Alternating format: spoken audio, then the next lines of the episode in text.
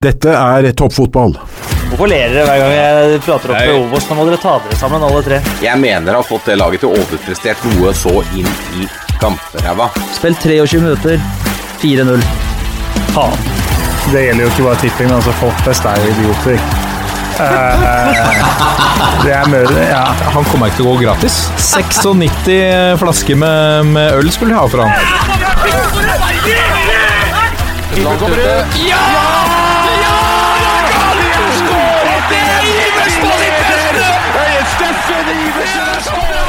Og der er uh, toppfotball tilbake igjen. Og Jørgen Kjernås endelig tilbake i dette studioet. Velkommen. Tusen takk for det. Hva har du bedrevet uh, i det siste som har gjort deg forhindret fra å komme hit, diskutere verdens flotteste idrett? Eh, Livet, holdt på å si. Har, vi, har, har dere vært der så mye uten meg? Det føles ikke sånn. Det et par, en liten tur med Halvard Thoresen der. Ja, det var klokka ti på en hverdag, var det da dere spilte inn, eller noe? Det, holdt på å si, ekte arbeidsfolk har ting å gjøre av å si. Takk for det. takk for det Ehm, Men Halvard var fin, han. Vi hadde han her eh, forrige uke. Nydelig type. Flott uh, variant, det. Han uh, var jo litt kritisk til norsk fotball. Ville ha ti lag i Eliteserien og sånn. Det var jeg ikke like enig med han i, kanskje. Nei, det er jo en evig diskusjon. Den, har vi vel, eh, den runden har vi vel gått noen ganger her også. Men, han, vil, men han ville ha 100 lag i EM. Men han ville ha ti lag i Eliteserien. 100 lag i EM skal de jobbe godt for. Da, er vel, eh, da kan vel endelig Bergen få sitt eget lag i EM, f.eks. Nei, Større sjanse for at de gjør det bedre i EM enn i Eliteserien. Ja, Nei, det var nydelig med Halvard Thoresen. Gå inn og hør på det. Ole Martin Eskelquist, velkommen. Takk. Nå er du her, selvfølgelig fordi dere vant forrige, forrige match. Ja ja, pleier å stikke innom etter seier. Ja, Så Eh. det er jo Ja, det blir fire episoder i 2021 eller noe sånt. nå. fordi det er vanskelig. Vi kan jo eh, dra en uh, lengre introduksjon, og vi har et punkt om strømmen her litt lenger ned, men la oss bare hoppe inn eh, med, med en gang. Hvordan, hvordan har du det? Nei, det, tid legger alle sår, sies det. Jeg tror ikke det stemmer helt, men uh, tid hjelper jo litt på, da.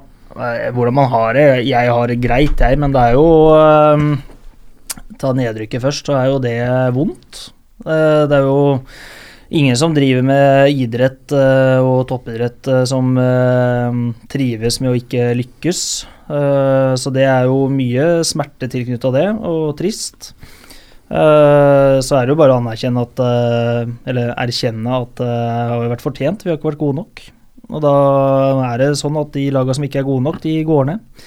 Så det er jo en del av toppidretten, det å tåle det òg. Nå er jo Det er jo dessverre andre gangen da jeg er med på et nedrykk. Det var ikke noe hyggelig første gangen heller, men det var nesten eh, tyngre nå eh, etter, etter tre år i strømmen. Så det var eh, Nei, det var fryktelig vondt lørdag ettermiddag på Jessheim mot Grorud der.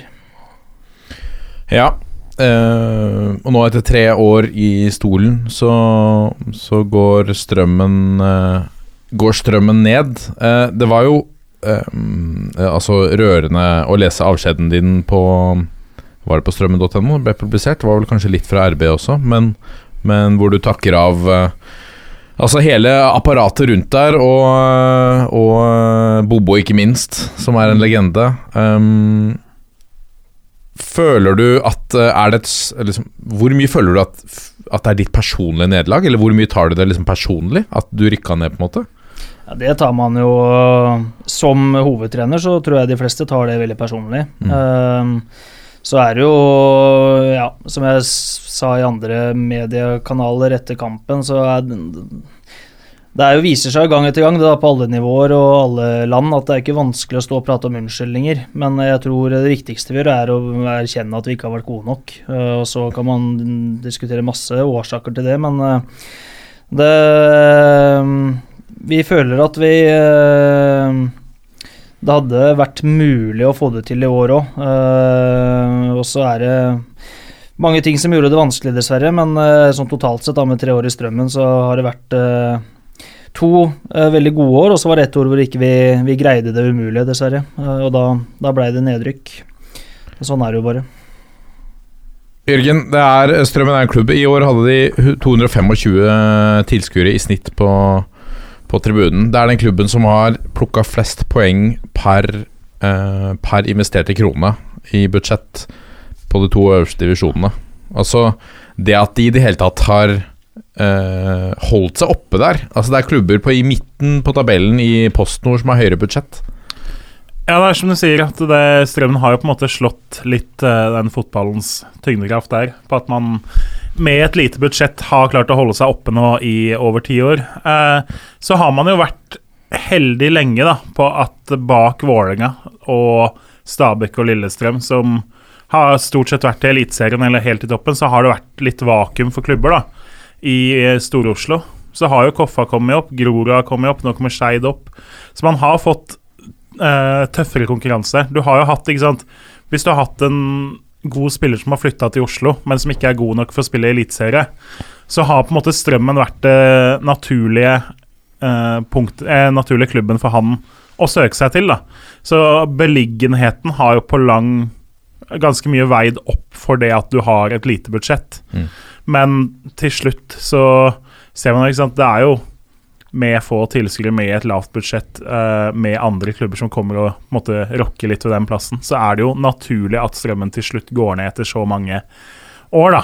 Uh, og man har jo hatt veldig mange sesonger gjennom uh, de siste ti årene hvor man har ligget ekstremt utsatt til og så redda seg på spektakulært vis.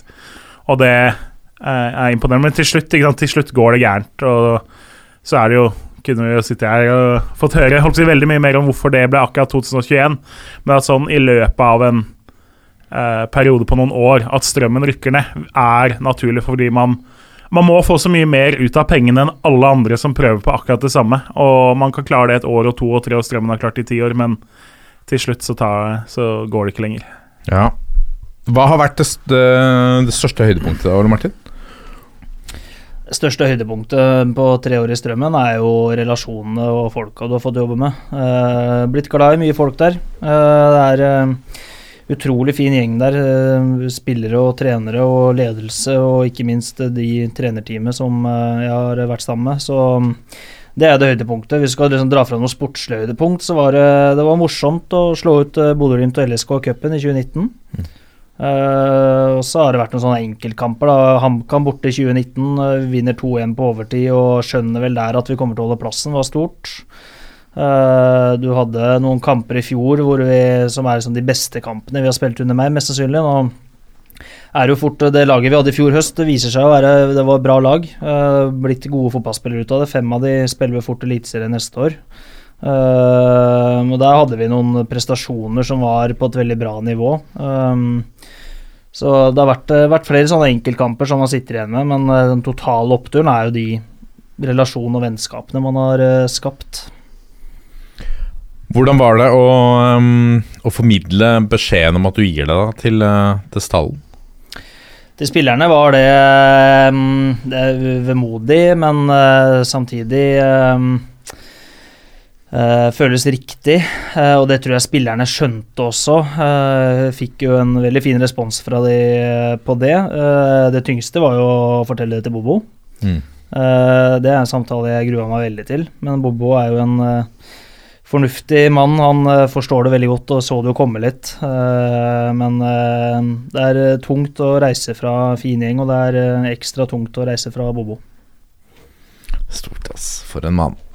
Eh, for noen menn, Jørgen Kjernås. Uh, vi skulle hatt Altså Vi må jo uansett på et eller annet tidspunkt prøve å få Bobo i dette studioet, føler jeg. Det er jo ikke ja. Den døren lukker seg ikke. Døren til Bobos uh, bu lukker seg ikke. Nei, jeg har vært opptatt av det. Den døra til bua skal i hvert fall være åpen for meg, og det har jeg fått beskjed om at den er òg. Så ja. har jeg leiligheten i Strømmen fram til februar, så hvis ikke jeg får meg en annen jobb som gjør at jeg må flytte, så finner man meg i bua hver fredag i januar òg.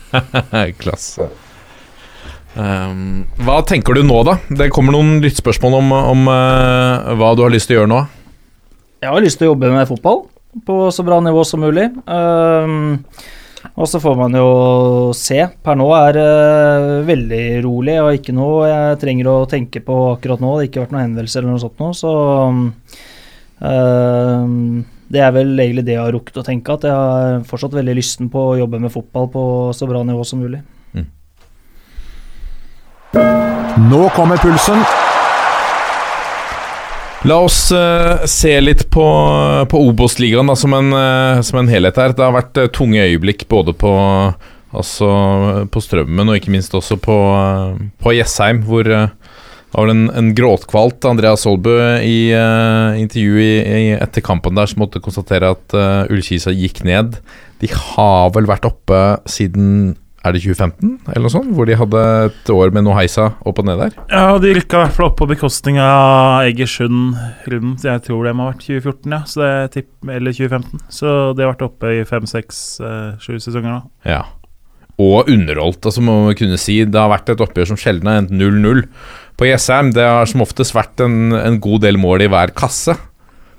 Ja, de har jo vært gode, og de har jo vært oppe på kvalik. Eh, og Jessheim er jo et veldig voksende område fra å være en liten flekk på kartet for uh, noen år siden til å bli en by hvor det bygges ut voldsomt, og det blir innbyggertallene går radig oppover. Så det jo Det henger jo sammen med mulighetene for et fotballag, som regel. Så jeg tror jo at Ullkisa har gode muligheter til å slå tilbake, men som man veldig ofte ser Nå klarte jo uh, Skeid opprykk i år, men det er mange lag som bruker mer enn både de ett og de to åra som de har brukt, og eh, bruker veldig lang tid på å komme opp. Det er mye tøffe lag du kan møte nede i andredivisjon hvis du er litt uheldig med avdelinga di. Altså, du har jo Hødd kan jo rykke opp nå på bekostning av Stjørdalsbenk, men altså Hødd satser, Arendal satser, Egersund satser, eh, osv. Du får opp både Frigg og Ullern, som er Oslo-lag, som har potensial ut fra det. Du får opp Gjøvik altså, Det blir ganske tøft i uh, andredivisjon neste år. Du har mange lag som har ambisjoner om å være i toppen der, og som kan gi både Strømmen og Ullkisa og kanskje Stjørdalsbenk god eh, kamp. Ja. Ole Martin, du har jo eh, fullt dine rivaler på Jessheim eh, tett selvfølgelig i år, også med tanke på at dere har vært begge to nede i, eh, i bunnkampen der. Hva, hva, tenker du nå om at uh, de gikk ned en divisjon for Ullkise? Det er synd for romeriksfotballen at begge går ned samtidig. Nå blir det jo, I fjor hadde man tre lag i Obos, nå har man plutselig ingen. Så det er jo synd for regionen. Kise er jo det er vanskelig å sammenligne Kisa og Strømmen. Det er liksom to helt forskjellige forutsetninger der. Uh, Kisa har jo vært litt uheldig i år, det òg. Altså, de også, sammen med enkelte andre, hadde den nedstinginga før eh, sesongen som definitivt har påvirka en del. Og så mista man treneren sin etter fem kamper, var det vel. Uh, hvor, mye, hvor mye tror du det har å si oppi her? Jeg tror nok det har en del å si, for man men uten at jeg skal legge noe som helst skyld på Sindre i dette her. Uh, for det, det, vil jeg ikke gjøre i det hele tatt. Det har jeg prata om før, at jeg, jeg, forstår veldig godt uh, Sindre i det. Uh, men, men det er jo selvfølgelig ikke optimalt når du, du, prøver å bygge en stall og du jobber med noe gjennom en vinter og i en sånn nedstengt periode som man bygger en tro på, og så plutselig forsvinner det. Og så kom jo Arild Sundgodt og fikk en veldig god boost i starten, og så begynte han også å slite med resultatene sammen med resten av Kisa. og da valgte man å bytte ut han også, og så kom jo Steffen Landrud Landro inn på slutten. og uh, Steffen også har jo, jo, selvfølgelig gjort så godt han kan, men det er vanskelig å snu en vanskelig, vanskelig trend på slutten. Uh, så det har, det har, ikke vært lett å være Andreas Det har ikke vært lett å være Andreas Aalbu i år heller, tror jeg. Og det ser man jo på det intervjuet med Andreas og Christian Aas, den gjengen der etter kampen, og at det er det var uh, like vondt for de som det var for oss på Strømmen. Uh, de har jobba hardt på Jessheim òg, men har, har, ikke greid å få det til. Det, rett og slett. Så har de jo tidligere altså De har jo vært ekstremt gode på, og, på signeringene da de var gode. Altså, tenk på spillere som Niklas Sandberg, eh, Lars Jørgen Salvesen. Kristoffer uh, Nordmann Hansen, Nikolai Solberg. Spillere som jo sant, var kjente, men ikke hadde, som hadde litt stagnert, eller som liksom, det hadde ikke løsna helt for. Så kommer de til Jessheim uh, og, får ordentlig ut potensialet. Det samme har de jo ikke klart i det hele tatt i år. Det var jo Ankepunktet alle hadde mot dem før sesongen, var jo hvem er spissen som skal skåre målene. Uh, Sørløk er en god spiller, men uh, grenser for hvor mye spiss han er. Og så henter du da Ole Sæther, som jo egentlig så ut som en veldig fin signering, men så blir jo han skada. Eh, si, Sønnen Sundgodt var jo OK før han ble skadet. Så det er liksom det der som man så at laget mangla utenfra eh, før sesongstart, det stemte jo. Man har eh, slitt, Og da sliter du med sant, kamper hvor du er litt bedre enn motstanderen, men så har du ikke god nok holdt si, mange nok målskårere eller en god nok spiss, da, så blir det 1-1 istedenfor 2-1 litt for mange ganger. da. Eh, så de har jo ikke truffet på de fantastiske signeringene som de veldig ofte har gjort tidligere sesonger. Nei.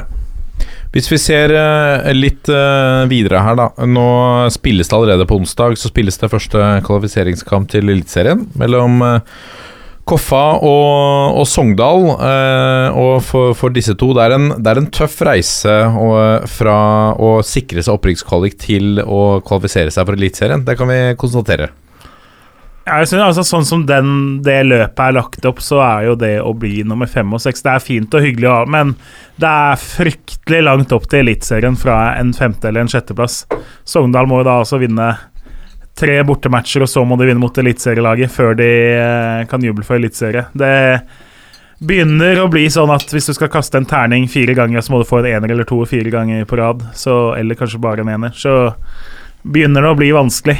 Og, men det er jo ikke sant Du har noe å spille for. Du har tross alt håpet. Det er noen prosent sjanse for både KFUM og Sogndal eh, i Eliteserien neste år.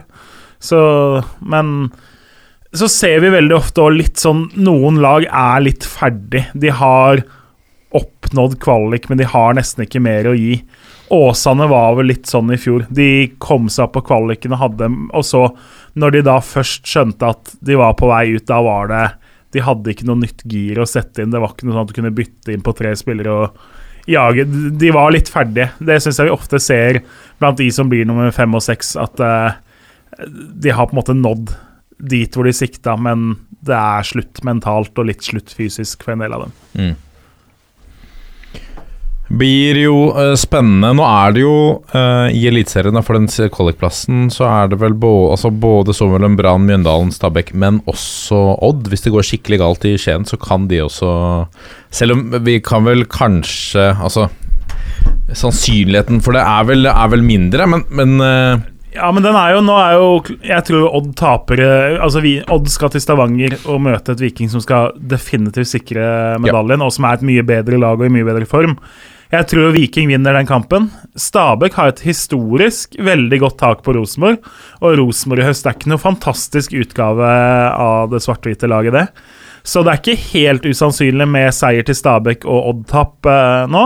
Da er det to poeng som skiller før de møtes i siste runde i Skien, Mm. hvor Stabæk da kan gå forbi med seier. Så det jeg blir ikke overraska hvis det er utfallet av runde 29, at Stabæk faktisk kan klatre opp på trygg grunn. Og da tror jeg også vi står igjen med at eh, hvis det skulle skje, hvis Stabæk slår uh, Rosenborg, så tror jeg begge av, Da tror jeg nedrykket er klart. For jeg tror veldig lite på at Brann skal vinne i Bodø når Bodø-Glimt skal sikre gullet, og jeg tror nesten like lite på at Mjøndalen skal slå Vålerenga, selv om jeg, jeg har mer tro på Mjøndalen mot Vålerenga, selv om de òg var svake mot Sarpsborg og har slitt litt med skader. Og, så det er Stabæk som definitivt, både poengmessig og formmessig og eh, egentlig kampprogrammessig, ligger best an her.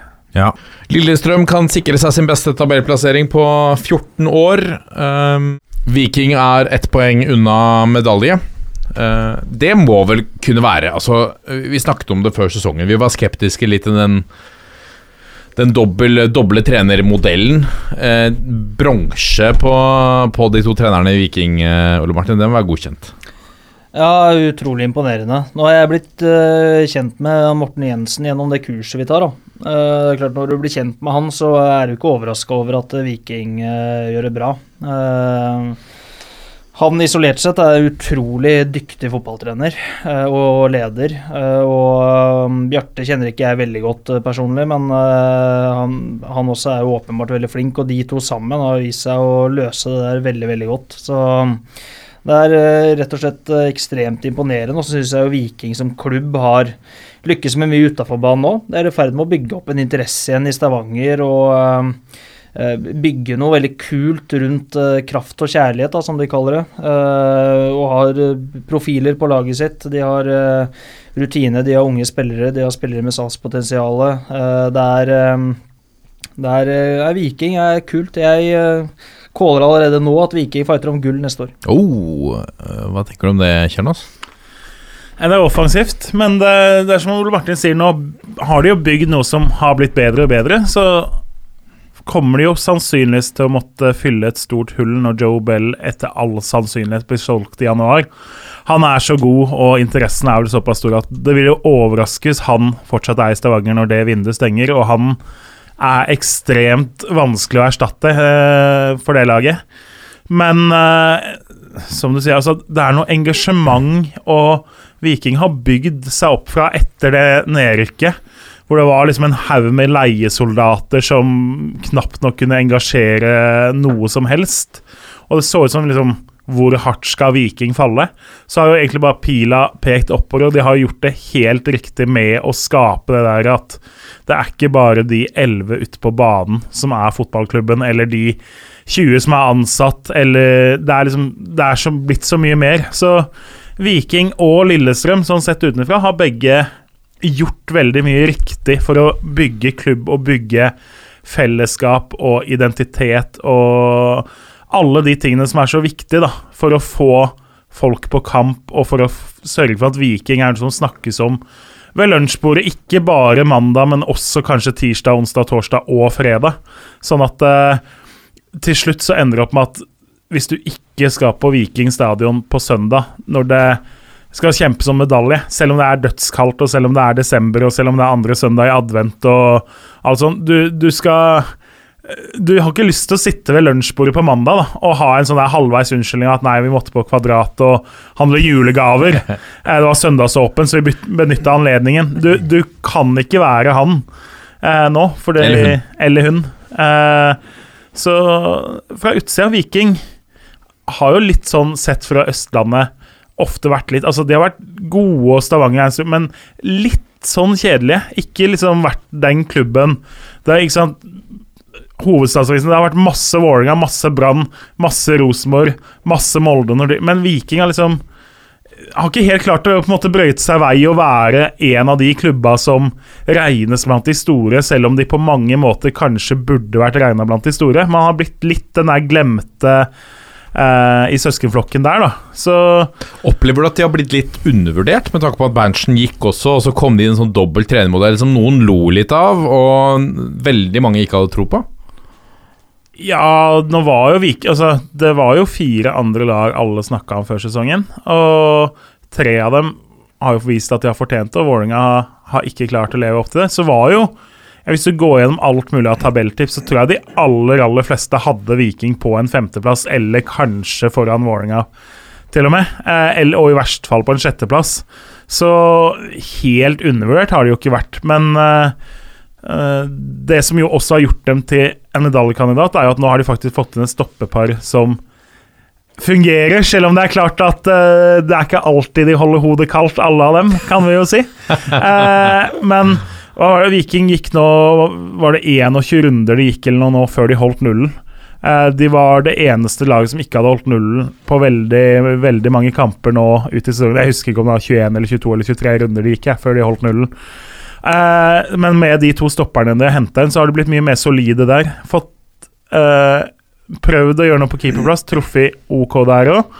Så de har tetta det store hullet som har skilt dem fra å være en medaljekandidat. Altså, de måtte gjøre noe med defensiven. De måtte heve eh, nivået på stopperne sine og det som skjer inne i boksen, og hatt to keepere som har gjort mye rart på veksel. Så de Men at det offensive har jo vært på plass lenge. og som vi har snakket om, altså Veton Berisha, bare som sånn foregangsfigur. Og så har du Trilpic, som dessverre er skada, men som er ikke det, sant, det samme. De er kanongode, og så er de så langt fra luksusspillere som du egentlig kan få det. De jobber mm. knallhardt eh, når de ikke har ball, i tillegg til å være veldig gode med ball. Og de er ledere som høres og ses på banen, og garantert i garderoben og på treningsfeltet også. Så Nei, Viking har gjort veldig mye riktig. Det, det er vanskelig Klart gullkandidat. De kan jo så klart være det neste år. Det, eh, nå vet jo ikke Det er jo veldig langt fram. Vi aner jo ikke hvordan Rosenborg ser ut, vi aner jo ikke hvordan Glimt ser ut, vi aner jo ikke hvordan Molde ser ut. Men at eh, Viking kommer til å bli regna oppi der neste år, det er jo ikke noe høyoddser. Så må vi snakke om situasjonen da, selvfølgelig, som har gått viralt, uh, som det heter. Uh, David Brekalo og Patrick Gunnarsson som etter en eh, en situasjon Var dette en scoring, eller var dette en annen situasjon? Ballen gikk Nei, det, var en, eh, vi, altså det var jo en helt syk avslutning på kampen hvor Viking avslut, eh, utligna på straffe. Så gikk de opp i 3-2 eh, rett etter det. Og så pumper da Kristiansund alle mann i angrep og får en kjempesjanse med et sånt innlegg som er litt sånn Det blir litt uklart om stopper eller keeper eller hvem skal egentlig liksom gå på ballen. Så blir det liksom ingen, og så blir det en kjempesjanse ut av det. Og så er de ganske uenige om hvem som bør eh, klarere eller ta ansvar for den ballen. Og det er ganske utrolig å se, for det er jo fair enough at du skal ikke gå Uansett hvem det er, med eller motspiller, gå hardt til verks med å dytte noen i kassa. Men, eh, men vi må jo kunne si, som flere andre har påpekt, han, han filmer jo Patrick Gunnarsson. Han overspiller veldig. Ja. Det det er jo ikke tvil om at det er et heftig dytt. Men tror Men du han i et øyeblikk der glemmer at Når du ser den i slow motion og ser at han tar seg til ansiktet, Ansiktet etter å ha blitt dytta i brystkassa, så er det jo så klart han Ja, man kan jo le av det når laget vinner, da. Tenk hvis dette hadde vært mens de lå under 2-1. Eh, da, da hadde det vært en skandale, omtrent. Så resultatet spiller jo faktisk mye inn på hvordan man ser på den situasjonen også, da. Har du vært borti Har du hatt noen spillere Ole Martin, som har eh, røket såpass i tottene på hverandre, enten på banen eller i garderoben eller, eh, eller lignende? Jeg har vært borti spillere som eh, i garderobe og sånn eh, kan eh, barke litt sammen. Eh, det er lenge siden nå, men det er eh, Det skjer jo innimellom. Eh, og det er jo også situasjon, den situasjonen som oppstår under kamp der, skjer jo på trening innimellom òg. Altså, du er i en situasjon, og så er det mye følelser og uenighet, og så blir det litt knuffing og ting og tang, og så er det nok eh, sikkert litt på vane da, at Gunnarsson eh, får en dytt, øh, og så tenker at øh, nå går jeg bakken. Eh, men ja, samtidig så jeg, jeg skjønner jo at den situasjonen der er, den er veldig, veldig spesiell. Men den er liksom ikke Det, det skjer på trening en del, da. Uh, så um, du, du har akkurat gått opp til 3-2, det er ekstremt mye følelser. Det er eh, det er mye passion, det er vinnerinstinkt og adrenalin og alt som er, og så gikk det litt varmt og så tenker jeg at det er um, Det, det blei en artig historie. Rett og slett. Det ble en artig historie. Um, Så var, jeg må jo legge til, det var litt kleint den Viking sitt bilde fra flyplassen her, hvor de blir stelt opp ved siden av hverandre og har kjøpt en Smil-sjokolade som de står og holder på sammen, og for å vise at nå har de skværa opp. Kan godt hende jeg hadde skværa opp allerede da, men okay, det, det så litt for arrangert ut, liksom, med den der smilen som noen har vært på Narvesen og fått tak i. Åh, klasse. Um, vi har vært inne på litt skuffelser uh, så langt uh, i Eliteserien. Vålerenga kan vel kunne si er en av de. Hvilke andre lag er det som skuffer deg litt, Jørgen? Nei, klart, eh, Vi ser jo et Odd uten Bakenga, som har rast fra å lenge være en medaljekandidat i fjor. Og så ble det et fryktelig hektisk kampprogram etter mye koronautsettelse for dem på slutten. Så de, de lå jo veldig lenge an. Det er jo lett å glemme hvor Altså, Var det fire, fem, seks kamper før slutt, så så det jo ut som Odd skulle ta en medalje. Det var det mest sannsynlige, og så falt de sammen. Så holdt de seg noenlunde oppe fram til Bakenga dro til Japan. Og så har de egentlig bare dalt. Nå har de vel Jeg tror de har vunnet tre av de 18 eller 19 siste kampene sine nå. De står jo, som vi snakka om for litt siden, nå i fare for faktisk ende på kvalik etter å ha vært høyt oppe der. Så det Og er egentlig ganske grå, hvis det er lov å si. Og så har de et problem med at du sitter med Espen Ruud, Steffen Hagen, for så vidt også Lekven, da. Du har mange spillere som er bærebjelker, som er litt på siste verset, og du merker det litt på en del av De er ikke på samme nivå. Eh, Espen Ruud etter den akillesskaden som han nå kom tilbake fra, det er ikke det samme som i fjor. Eh, jeg sitter jo og følger veldig med nøye med på han på Odd-kampene nå, for han er jo den jeg differ med på Fantasy. Eh, så jeg sitter jo intenst og har vært Espen Ruud-fan noen runder nå. Så når man ser at han får en ball som daler ned i beina på han på femmeteren, og han der var han i fjor eller i de 15 siste åra, da hamra han i lengste, så snubler han i egen bein og dytter ballen ut til femmeter, på en måte. Så det Det har skjedd noe der. Ja, ikke sant. Odd har de, og så har de mange OK spillere, men ikke liksom de der tydelige lederne lenger, utenom de her som er litt for gamle. Og det ja, har blitt litt u...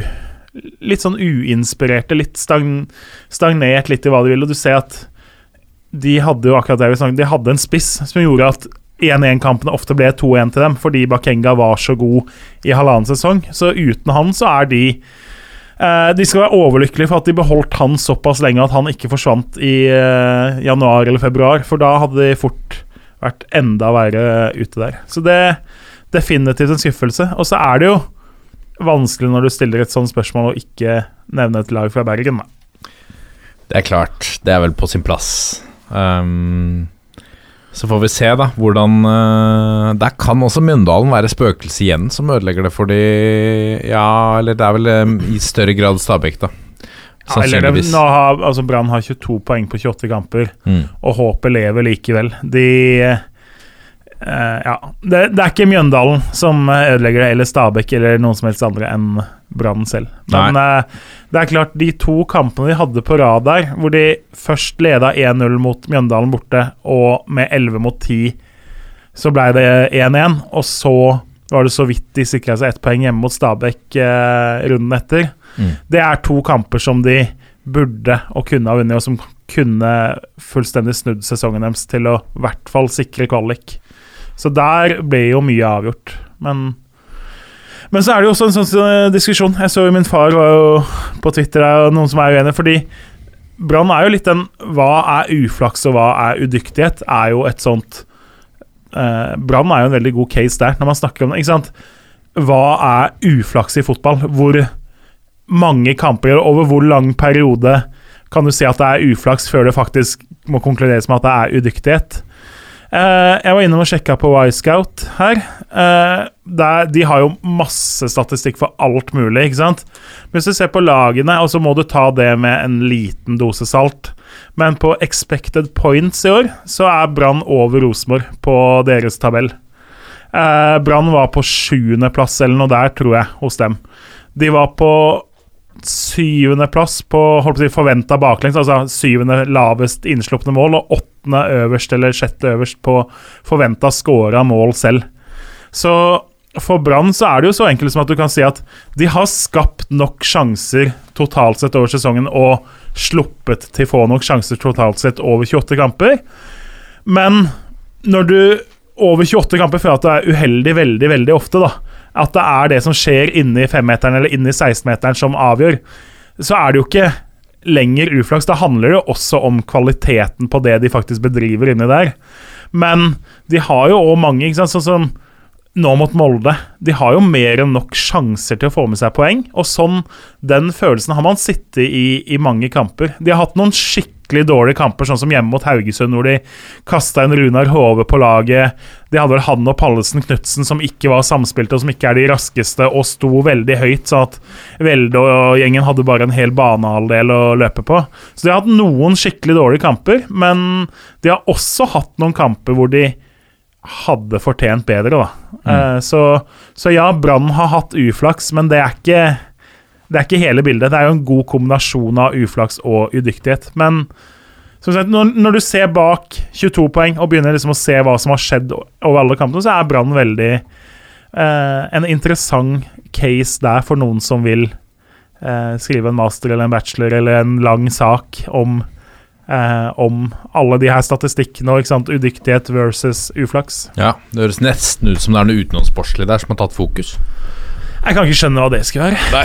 Nei. Um, Ole Martin, som fagmann, eh, er det noe som eh, fra Eliteserien Obos som du liksom kan trekke fram, eller som dere snakker om i miljøet, kan jeg kalle det det, som er interessant, eller en, en annerledes måte å gjøre det på, eller inverterte bekker, som noen lærte meg her eh, for et par uker siden at Pep Guardiola driver med. Eh, eh, er det noe ting der som er eh, fra et sånt fagperspektiv som har vært å trekke fram, syns du?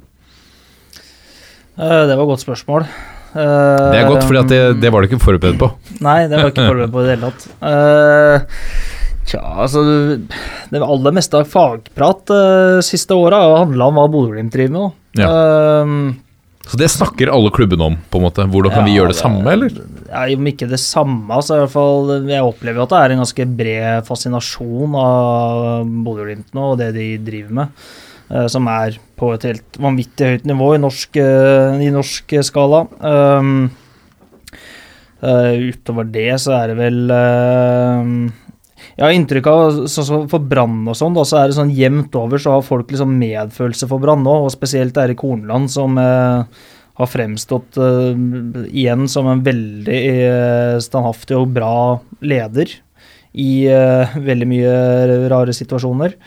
Eh, og så er vel uh, i har vært noe spesielt der. da. Det er vel det, er det noen har snakka om i Obos-ligaen, at det har vært litt eh, Det har vært eh, veldig mye gode enkeltprestasjoner i år. Altså gode offensive enkeltspillere som har prega laga i toppen. da. Uh, I HamKam så har du hatt Christian Eriksen, som plutselig har blomstra veldig og har vært veldig sentral for de. Du har Og må vi ta der også en eventyrhistorie hvor han sender en melding til Olsen, ja. Olsen. Er det i forkant av sesongen eller noe sånt nå?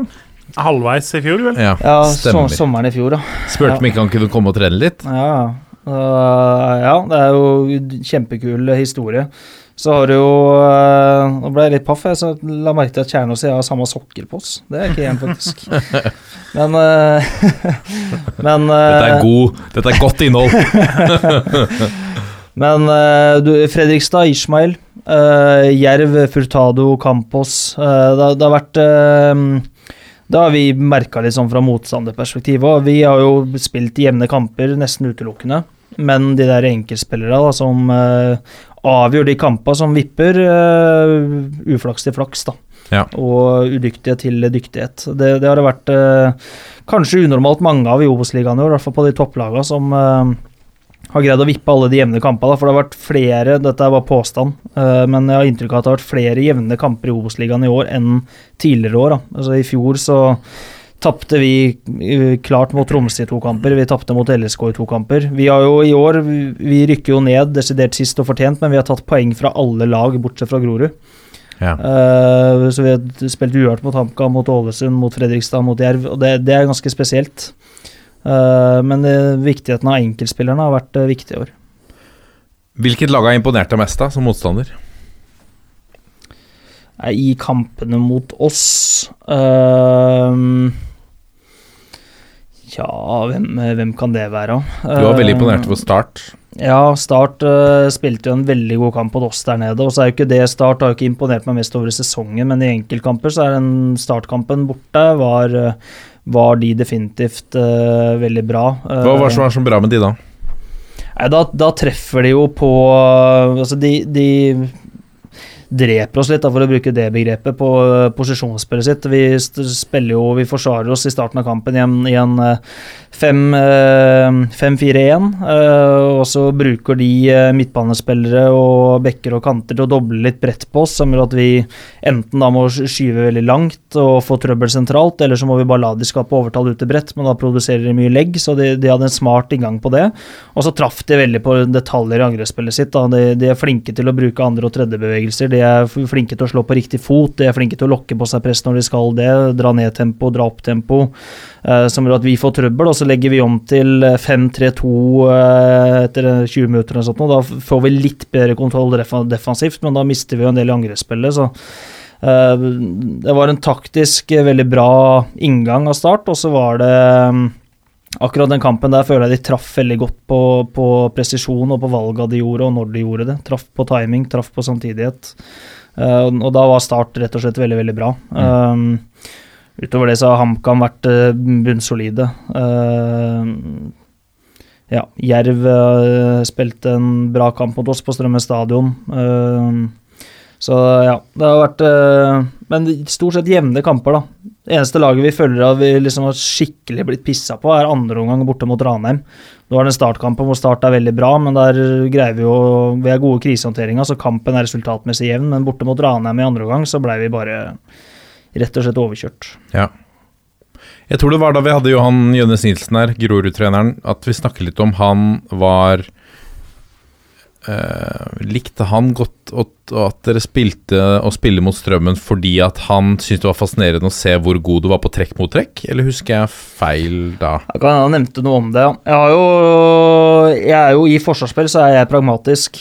Uh, Jeg har noen grunnprinsipper i forsvar, men jeg er ganske opptatt av å håndtere flere systemer i forsvarsspillet, sånn at du kan ødelegge så mye som mulig for motstanderen. Og Det er nok noe av grunnen til at vi har spilt mye uavgjort i år òg. Vi har greid å gjøre kamper jevne eh, gjennom å være godt forberedt defensivt. Også i angrepsspillet så vil man jo være mye mer standhaftig på eget grunnspill. Og så har jo ikke vi utover høsten så har ikke vi lykkes med det, så vi måtte gjøre endringer for å skåre mer mål. Da ble jo dessverre konsekvensen at vi slapp inn mer òg. men uh, jeg har hørt det før, både fra Johan og Eirik Kjøne, som trente Gror i fjor, som nå er i Stabekk òg, sier jo det at det er interessant, for de veit aldri helt hva jeg kommer med. Uh, velger å ta det som en kompliment. Ja, for det, det, slår meg litt som altså det, er jo, det er jo som Jeg vet ikke om jeg brukte det uttrykket, det var noen som brukte det uttrykket, at det blir jo litt som et sjakk sjakkspill her, da. Uh, prøve å forutse hva, hva, motstanderen kommer med, og hele tiden kunne kontre det. Hvor lang tid tar det før Ole Martin plukker opp det jeg gjør nå, før han kommer med et mottrekk? Hvilke andre trenere i Obos-ligaen har du fått den følelsen av? Kjetil Rekdal er best på det.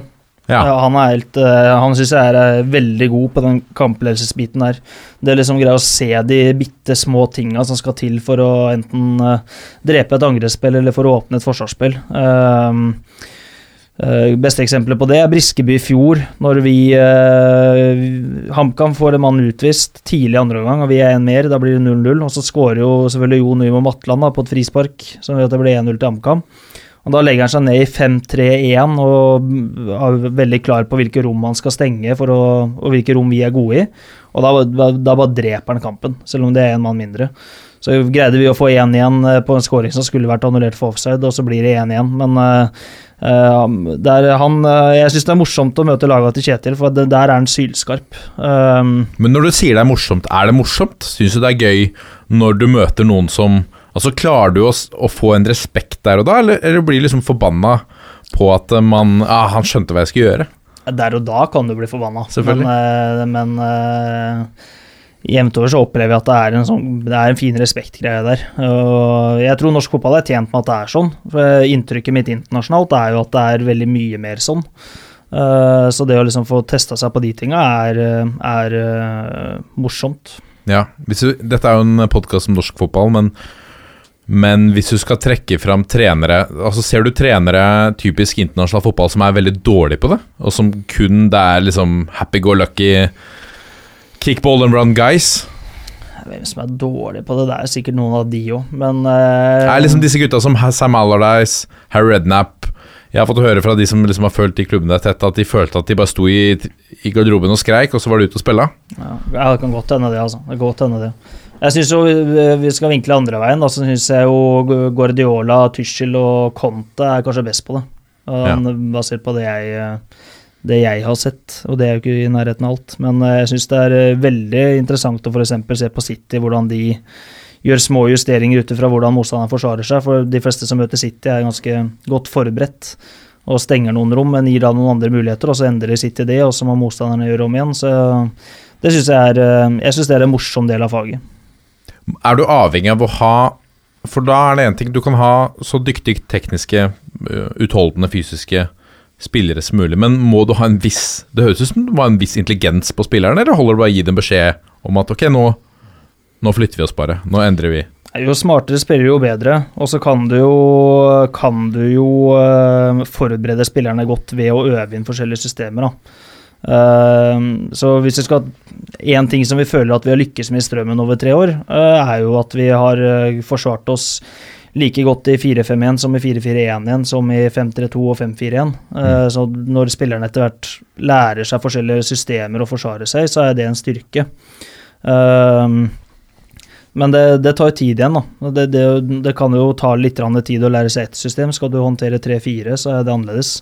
Men da er jo Det blir en større diskusjon, da. Men da er du over på Da trener du ikke på systemer, du trener på faser og situasjoner. Og det er jo sånn metodisk inngang som jeg tror er mer og mer mer og mer inn jeg har inntrykk av, uten at jeg vet jeg har inntrykk av at det f.eks. er det Bodø-Glimt gjør. Jeg tror de trener eh, veldig lite system og veldig mye faser og situasjoner. Ja. Interessant. Spesielt i angrep. Ja. Hmm. Her var det litt å lære, Jørgen Kjernås. Bare minne om at vi rykka ned, da. Så det er ikke noe Så stryk de siste 20 minuttene. Nei.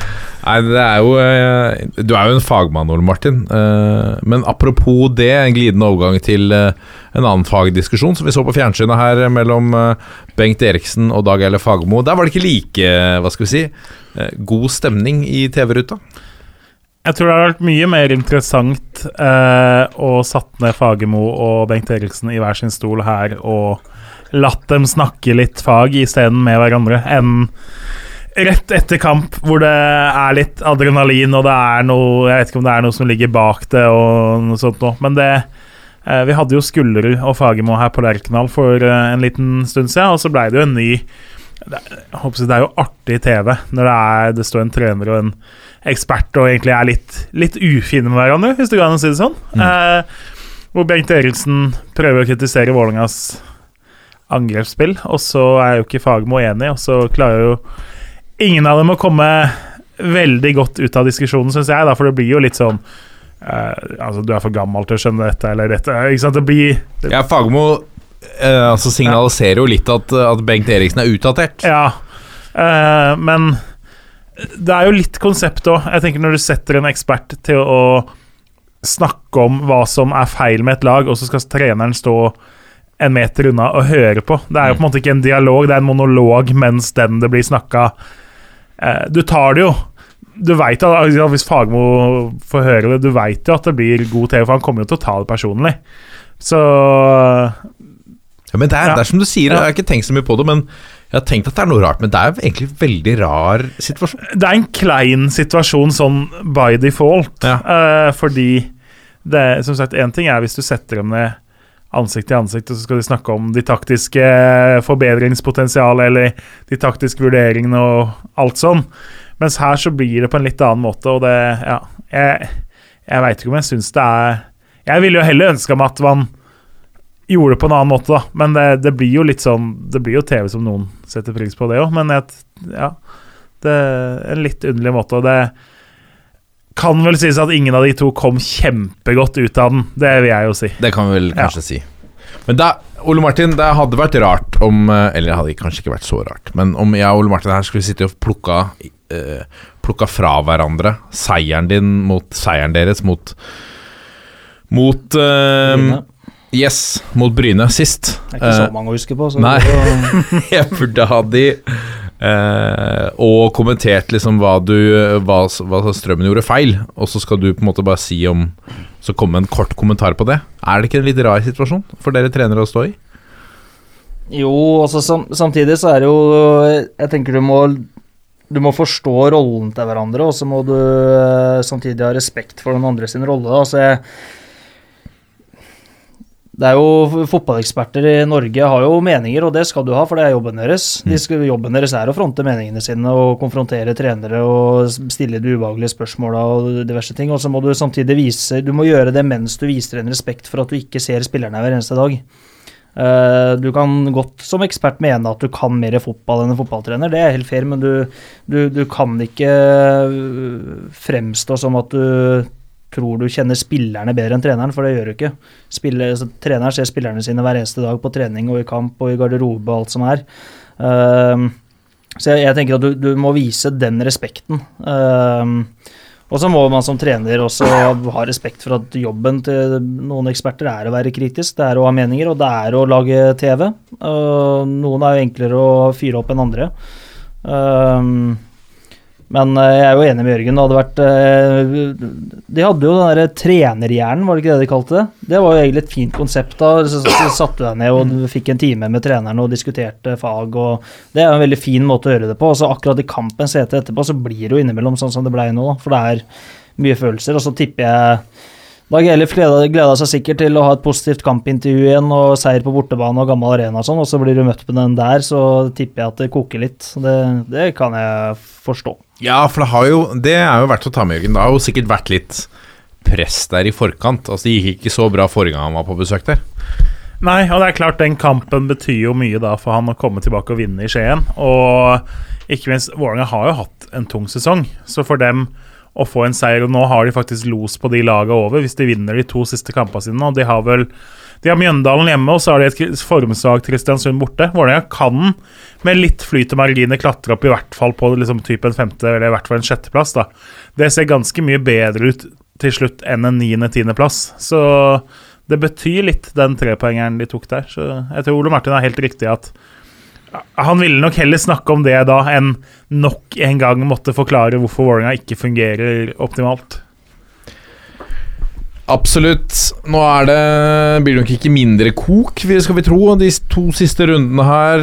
Um, la oss ta og vende nesa og øynene litt uh, utover. Og eh, våre menn som vi har spillende nedover på kontinentet, um, det er hentet fra norske proffer på Twitter. Det anbefales på det sterkeste, hvis du ønsker en oversikt over de med norsk pass som spiller fotball nedover i Europa. Um, Tokmak Nguyen satte inn um, 2-0 for Ferencvaros. Laget leder serien i, i Ungarn. Uh, nå har de fire poeng og én mindre kamp ned uh, til Kishvarda på andreplass. Kristoffer Zakaria som spilte hele kampen for uh, Ferencvaros. Og så har vi norsk-ungarske Alexander Torvund. Jeg er litt usikker på om han på en måte eh, vil uh, kunne spilt for norske landslaget. Det kan jo, han vel? ikke, han var jo tilbake og spilte i Stabæk her etter Ja, en liten stund. Eh, han har vel U-landskamper, har han ikke det? Ja, kan være. Kan være. Uh, Skåra i hvert fall på nest øverste nivå der i Ungarn. For uh, Shakvari mot Suruksar i 4-3-seieren. Jo Inge Berge kom inn som innbytter for Malmö. Ble matchvinner mot Kalmar i den viktige bortematchen der. Nå leder eh, Malmö allsvenskan med to poeng eh, forsprang og én runde igjen. Så da kan det bli nytt seriemesterskap på Berget. Aron Dønnum noterte seg for eh, en scoring da de tapte 3-1 mot Gent. Det var Dønnum sin andre scoring på 11 matcher i år. Eh, Joshua King har jo fått sin renessanse i, Premier League.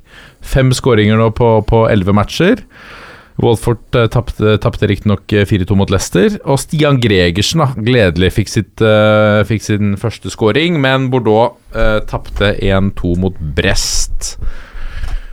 Det er litt eh, spilletid. altså Vi begynner å Vi er fortsatt et stykke der at vi har um, Hva skal vi si um, Det er litt annen schwung over disse klubbnavnene, Jørgen Kjernås, enn uh, enn, uh, topp fem-ligaene, kanskje. Så vi har et stykke igjen. Men det er i hvert fall gøy å se at det, det puttes litt, da. Jeg var spent på den her uh, Shwakari mot Soroksar, eller hva du kalte det. Er ikke den fin, da? Sjakvari. Må innrømme at det hadde blitt en ganske kort presentasjon hvis jeg skulle lagd en powerpoint om noen av de lagene fra Shakvari. eget hode. Ja, Sjakvari mot Soroksar. Etter hva jeg vet, så er det perfekt ungarsk uttale. Ja da, Men som du sier, altså, King har jo sett Må huske hvor lenge var det han gikk uten skåringer. Han bomma på åpent mål bortpå. Altså, du kunne omtrent satt den på målstreken og fjerna motspillerne og gitt han en ball, og han hadde fortsatt klart å bomme, føltes det jo som en stund. Så at han faktisk har kommet tilbake og etter en nedadgående kurve og etter å ikke, liksom Bournemouth-tida hans var ferdig, Everton funka ikke. Så så kommer han til Watford, som er et, en klar nedrykkskandidat, og så ser han faktisk veldig bra ut. Det er som du sier, det, det er en av høstens store oppturer blant disse norske utenlandsproffene. Kanskje den omtrent den største også. Ja, i hvert fall med skade på litt forskjellig og, og litt sånne ting. Og Ødegaard som kanskje ikke har tatt Nå var han tilbake på laget igjen nå sist, da, men, men eh, vi har vel ikke fått se helt den uh, Altså, han dominerer ikke hver match.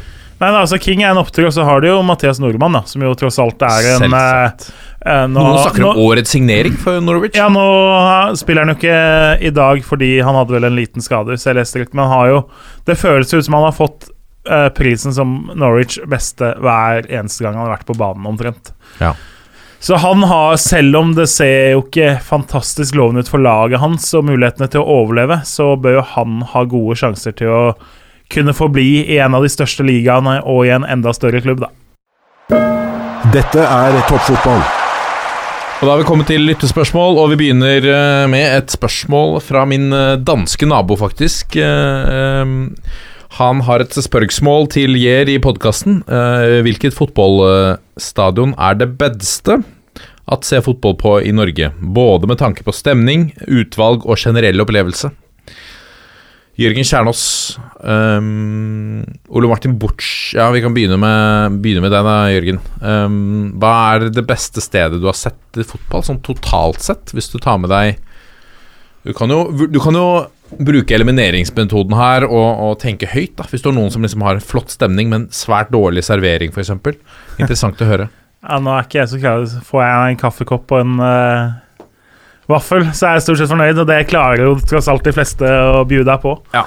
Så Nei, det er et vanskelig spørsmål, egentlig. Men uh, et fullt Lerkendal klar til storkamp og uh, med kjernen en time før kamp på plass, det Der har jo jeg hatt fleste av mine største opplevelser sånn sett, da, fordi jeg har omtrent flest kamper der bak meg, føles det som.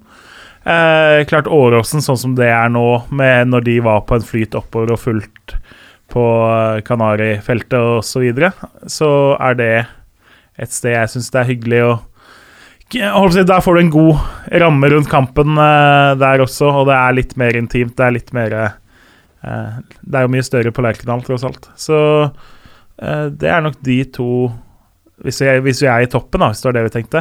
eh, de to stedene jeg tenker at det er Ja, jeg tenker Ja.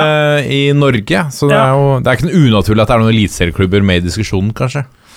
Nei, og så er det jo Så er jeg Jeg er jo veldig glad i disse å være på Nardo eller Kjelsås-kamp hvor det er 30-40-50 andre, og måtte den nærheten der og gamle spikra tribuneanlegg som føles ut som de har stått i 100 år. Uh, så det kommer jo an på hva du liker sånn sett òg, for så vidt. Ole Martin, da, hvor mye Altså, hvor, mye får du sett fra tilskuerplass? Det har vel kanskje ikke blitt så mye de siste åra ja, som strømmetrener? Nei, det har blitt litt Post Nord, da, primært. Ja.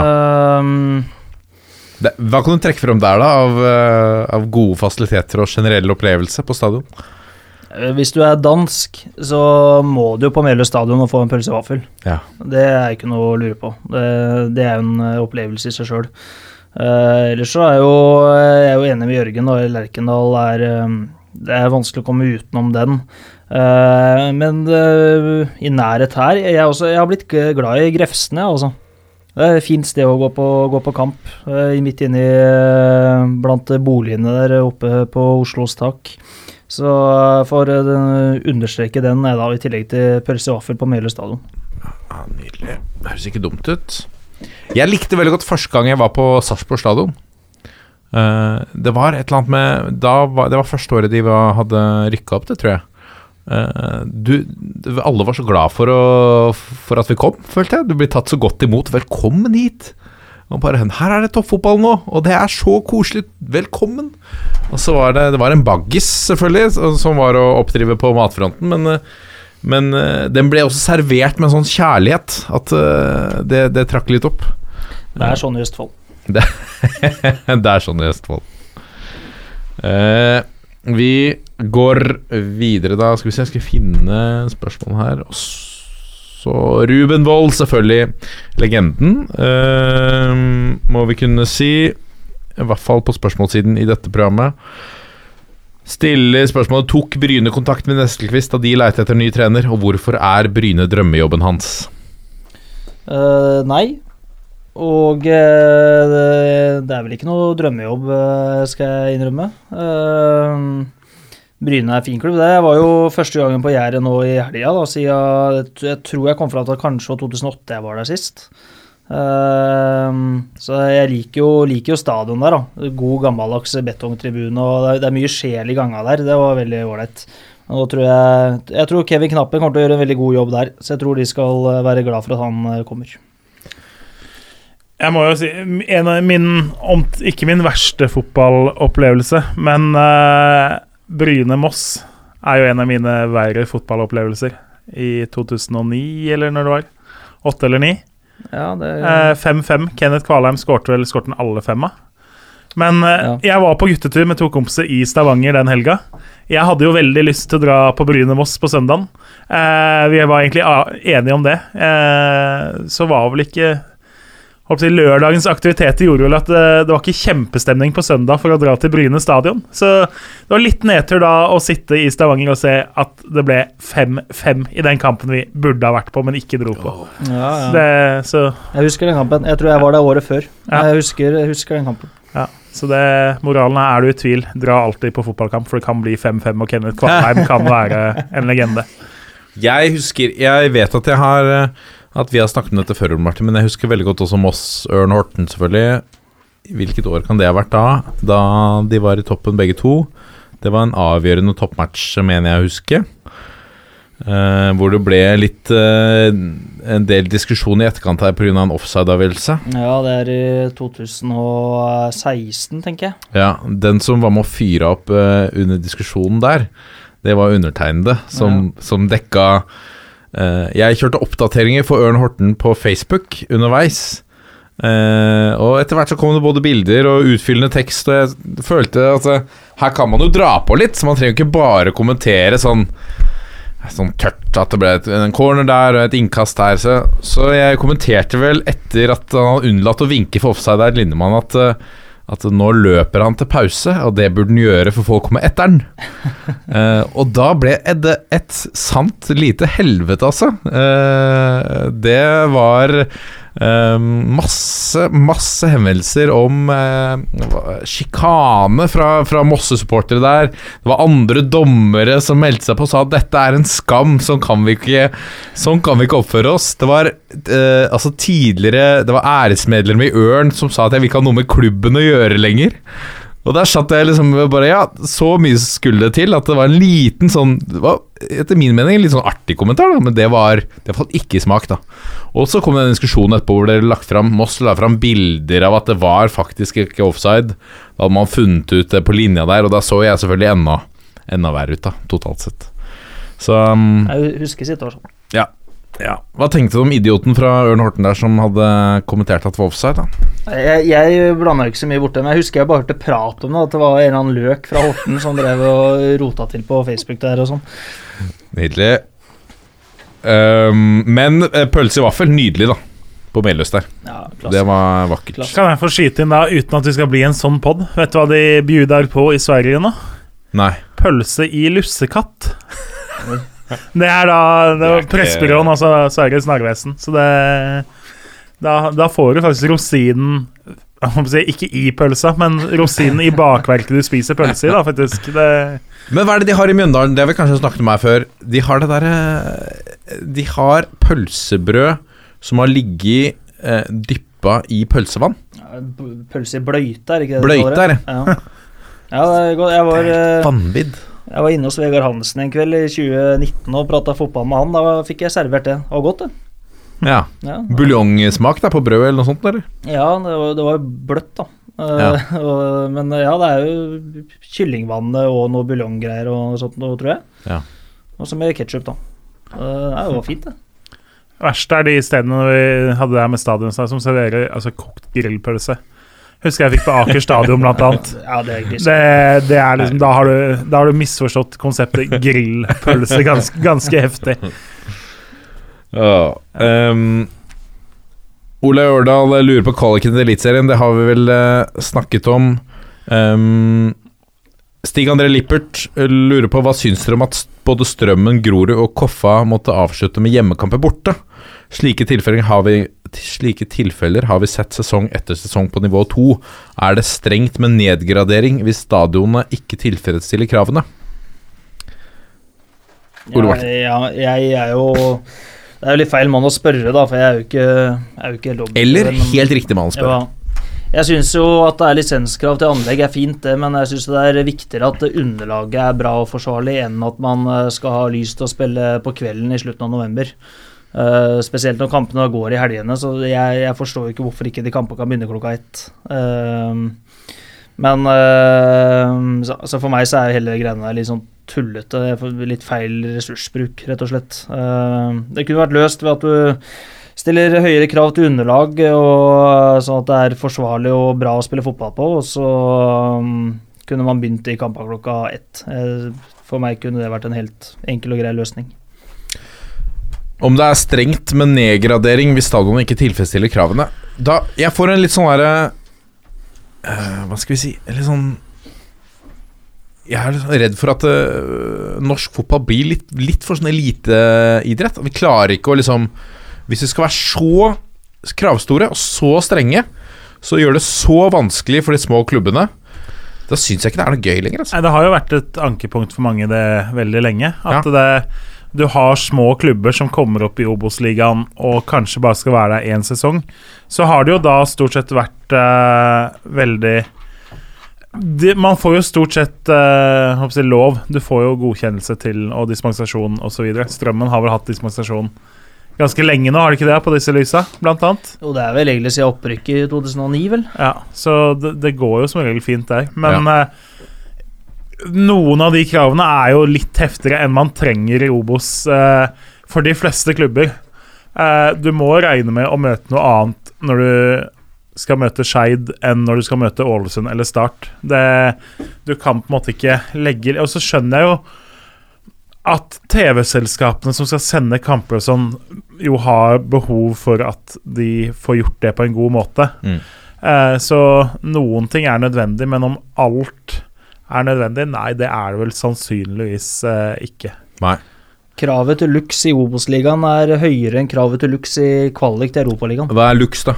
Ja, det er målenhet måleenhet på lysstyrke Ja. og lyskvalitet.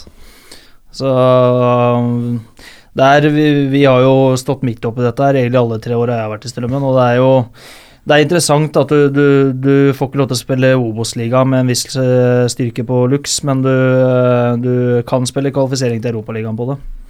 Ja. Som ofte er på kvelden. Det er ofte det. Mm. Med, med TV-sending. Ja, ikke minst. Um, vi drev og leste opp en Det var et år vi leste opp de kravene. Det var litt mye Ja, da, rart. det var, og det er klart Tredjedivisjon nå har jo fått det sånn, for da har vi jo tatt eksempler. Jeg husker jo da jeg bodde i Trondheim. NTNUI gjorde jo nesten til en, eh, en gimmick at ingen hadde like strømper. Det var, skulle helst være det, det gikk så vidt hvis én spiller hadde to strømper som matcha med hverandre. Det fikk under tvil gå, men helst så skulle du ha 22 ulike strømper var det optimale. Mm. Mens det gikk over til liksom at du skal omtrent ha på en måte dopingrom og eh, x antall dusjer for dommertrioen. Altså, hver, hver dommer skal helst ha to-tre dusjer hver å rullere på, sånn at du kan ha én medium varm dusj, én kald dusj og én varm dusj, helst etter kamp, per dommer. Så, og mål, målnettingen skal for all del ikke være noe sånn flerfarga eller fancy eller noe som helst. Den var ganske, det var ganske nøye beskrevet hvordan nettet skal se ut. Så ja, noe av det er jo litt lett å fjase med, og noe av det er sannsynligvis for mye i forhold til hva som faktisk er behov for. Ja, men det er litt artig å tenke at liksom kanskje Det er jo ofte så lager man masse regler hvis man har en gjeng med idioter. Så man må sørge for at her er det ingen som tenker sjøl. Jeg husker at vi, vi på, i min sivile jobb måtte, måtte forby Hawaii-shorts og hawaiianas på kontoret. Du må liksom helt ned i detalj, da, fordi at eh, ellers er det folk som liksom Ja, men det sto ikke i reglene. Det er litt eh, jeg, jeg får litt den feelingen her at eh, Ja, men det Dette kunne vi ha. Vi har kjørt rosa nett, vi. Fordi det sto ikke noe i reglene om det. Nei, men jeg tenker jeg, jeg, altså På et visst nivå så går jo ikke det, men eh, det Ja. Nå fant jeg altså tredjevisjonen sin. Gresset skal klippes i ca. 4-5 meter brede felter vinkelrett på sidelinjene. Klipperetningen alternerer slik at spillebanen framstår som stripete på tvers. Eh, det, det er jo litt klart Du rykker opp fra fjerdedivisjon, og så har liksom, du har klippet gresset på stadion i 40 år, og så får du plutselig beskjed om at eh, de vinkelrette feltene dine er ikke brede nok. Altså det, ja, det, Få orden på alterneringa! ja, det, det er jo mulig å lage en helt middels uh, sketsj ut av eh, en klubb som har rykka opp til tredjedivisjon, som skal forholde seg eh, til dette. Ja, det er vakkert. Um, Lars Martin Gimse, uh, startmann, og uh, kommet med en ny podkast. Er det en Start-podkast han har kommet med? Start en podkast, er ikke det Start ordspill på podcast, Start en drøm? Ja. Vakkert. Sjekkes ut. Han er eh, interessert i hva Nesselquist tror om Starts opprykkssjanser neste år. Hva må, hva må på plass for at de skal kjempe helt i toppen? Eh, nei, jeg tror i hvert fall mulighetene er bedre enn eh, de var i år. Eh, nå får jo Sindre et overgangsvindu til, og han får en vinter på å innføre en del prinsipper og tanker. Så er man avhengig av selvfølgelig da, å treffe på spillogistikken nå. Nå går jo noen sentrale spillere ut. Um, Hvem er det som forsvinner her nå for å Nei, de som har spilt, Ramsland er jo klart. Uh, han har jo vært eh, Han har ikke skåra all verden med mål i år, men jeg syns han har vært eh, sånn, i spillet ganske bra for start. Han bidrar i mange faser, selv om han ikke har skåra så mye mål. Uh, Jørgensen. ja, han har ikke spilt mye, Mm. mye i år. Doimeland var vel på den lista, blant annet. Og så Ja, så det er jo en del av de som har vært er lederskikkelser. legendarisk fra klippet But Afterwards, da? Er, er ikke det Doimeland og Tom Nordli der i munter passiar etter eh, Jo, det er riktig. Jo, ikke minst. Han vil jo for alltid huskes for de her enorme bøffene han hadde på hodet. Eh, Jeg trodde jo ikke altså, Når vi snakker om hvor strenge reglene er, så får liksom Jonas Doimeland spille med verdens største bøff på hodet. Så ut som han ja. gang etter gang. Det så ut som han prøvde å sette noe Guinness-rekord for eh, mest eh, Største bøff? Største bøff under fotballkamp, rett og slett. Hvis det hadde vært en Guinness-rekord, så hadde han ligget godt an. Men Er det noen Men- penger igjen i kassa der, eh, Kjernos? Ja, Det gjenstår å se, men det er klart at de, de gutta som forsvinner ut, er jo eh, spillere som vel sannsynligvis har vært blant de aller beste lønna. Altså, det er jo blant de mest meritterte og største navnene som de har hatt i år. Og da ligger det jo i kortene at det også er blant de spillerne som har hatt mest eh, i lønn. Så det er jo som du sier at det eh, Ja, Akiniemi er jo sistemann som de har henta for ganske mye. Det er jo Med unntak av Ramsland, så er det jo ingen av de som har levert tilfredsstillende i år. Det har vært mye benk eller ikke vært tilgjengelig osv. Ramsland har levert OK. Så de tre andre er jo knappest en overraskelse sett utenfra at uh, de velger å ikke fornye med. Så det blir veldig spennende å se retninga der på hvordan de skal ta steg mot eh, å bli et topplag. Er, nå er det mye ungt igjen, og så er det jo på en måte Tanken deres fra disse gutta, investorene, kom inn hele tida, Man vil jo gjøre det som en business. Kjøpe unge, lovende spillere, utvikle dem, gjøre dem kjempegode, få suksess med dem, selge dem videre for mye mer enn du kjøpte dem for. Det er jo ikke noe de har lykkes med i veldig stor grad. Du hadde jo Daland som kommer tilbake og som ble et godt salg, men ellers er det jo ikke all verden av god business Start har fått til på overgangsmarkedet de siste årene. Nei. Så det, det blir jo en nøkkel for dem med tanke på det litt lengre perspektivet enn bare 2022. da, At man finner noen av de typene i løpet av vinteren som du om et år eller to eller tre kan selge videre etter at de har utvikla seg til å bli mye bedre fotballspillere i Start. Så er det jo eh, Start må jo også få med seg byen, eh, byen sin igjen. Jeg har sett Sindre har vært Kjellemeland Kjelmeland har vært eh, tilgjengelig på noen podkaster, og han har vært på en del sånne supporterarrangementer og sånn, eh, har jeg sett litt på sosiale medier, og det tror jeg er veldig bra, men der, de må jo få engasjert byen sin igjen. Og så spår jeg neste år da at uh, opprykkskampen i Obos-ligaen neste år kan bli mer sinnssyk enn noen gang, fordi at det er med den nye medieavtalen som trer inn i 2023, så kan du gutse en del neste år hvis du lykkes og får igjen de penga og vel så det i 2023. Eh, Så det er nok fort eh, de lagene som ikke lykkes, altså Jerv og eh, Fredrikstad Start, hvis ingen av de, Sogndal, KFM, hvis ingen av de lykkes med å gå opp i år, og du har de lagene som kommer ned fra Eliteserien, så har du plutselig en seks, sju, åtte lag der som kommer til å gå all in økonomisk også for å rykke opp, fordi at du kan få pengene godt igjen, da. Og du får uansett mer mediepenger i 2023, så du får tjent inn litt. Eh, så toppen i Obos-ligaen neste år kan bli ganske spinnvill. Interessant. Jeg prøvde å finne iherdig å finne snittet her nå på tilskuertall. Det øh, Jo, Altså ljuger jo alltid det, for det Start har vel solgt OK med sesongkort. Og så Ja. Blir jo litt sånn at når du teller, så er det ikke all verdens på plass. Men det er jo flere steder, sånn som Alfheim nå hadde vel 1850 tror jeg var tilskuertallet de hadde mot Stabæk. Det inkluderer jo sesongkort og sånn. Det var ikke 1850 mennesker på Alfheim. Det var eh, Ja, ut fra øyemål og ut fra TV-sendingen, det var nok firesifra, men så veldig mye mer var det kanskje ikke. Nei. Det var kaldt, da, hørte jeg. Det er selvsagt kaldt, og plassen er berga, sånn, så jeg skjønner jo for så vidt det. Men husk, det kunne blitt 5-5, så dra på stadion hvis du er i tvil. Det kom noe kald vind fra Spitsbergen der, hørte jeg følge Bernt Hulsker. Ja, nettopp.